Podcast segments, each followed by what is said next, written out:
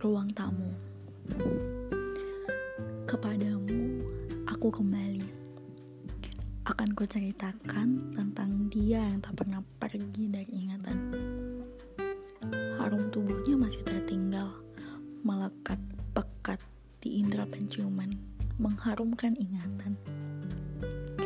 Sentuhan yang menghangatkan ros badan, merayap senyap tanpa ikatan membuai hening dalam ingatan. Bingkai-bingkai yang berbicara, menelaah dinding dengan sapa rindu yang tak usang tanpa mengekang ingatan.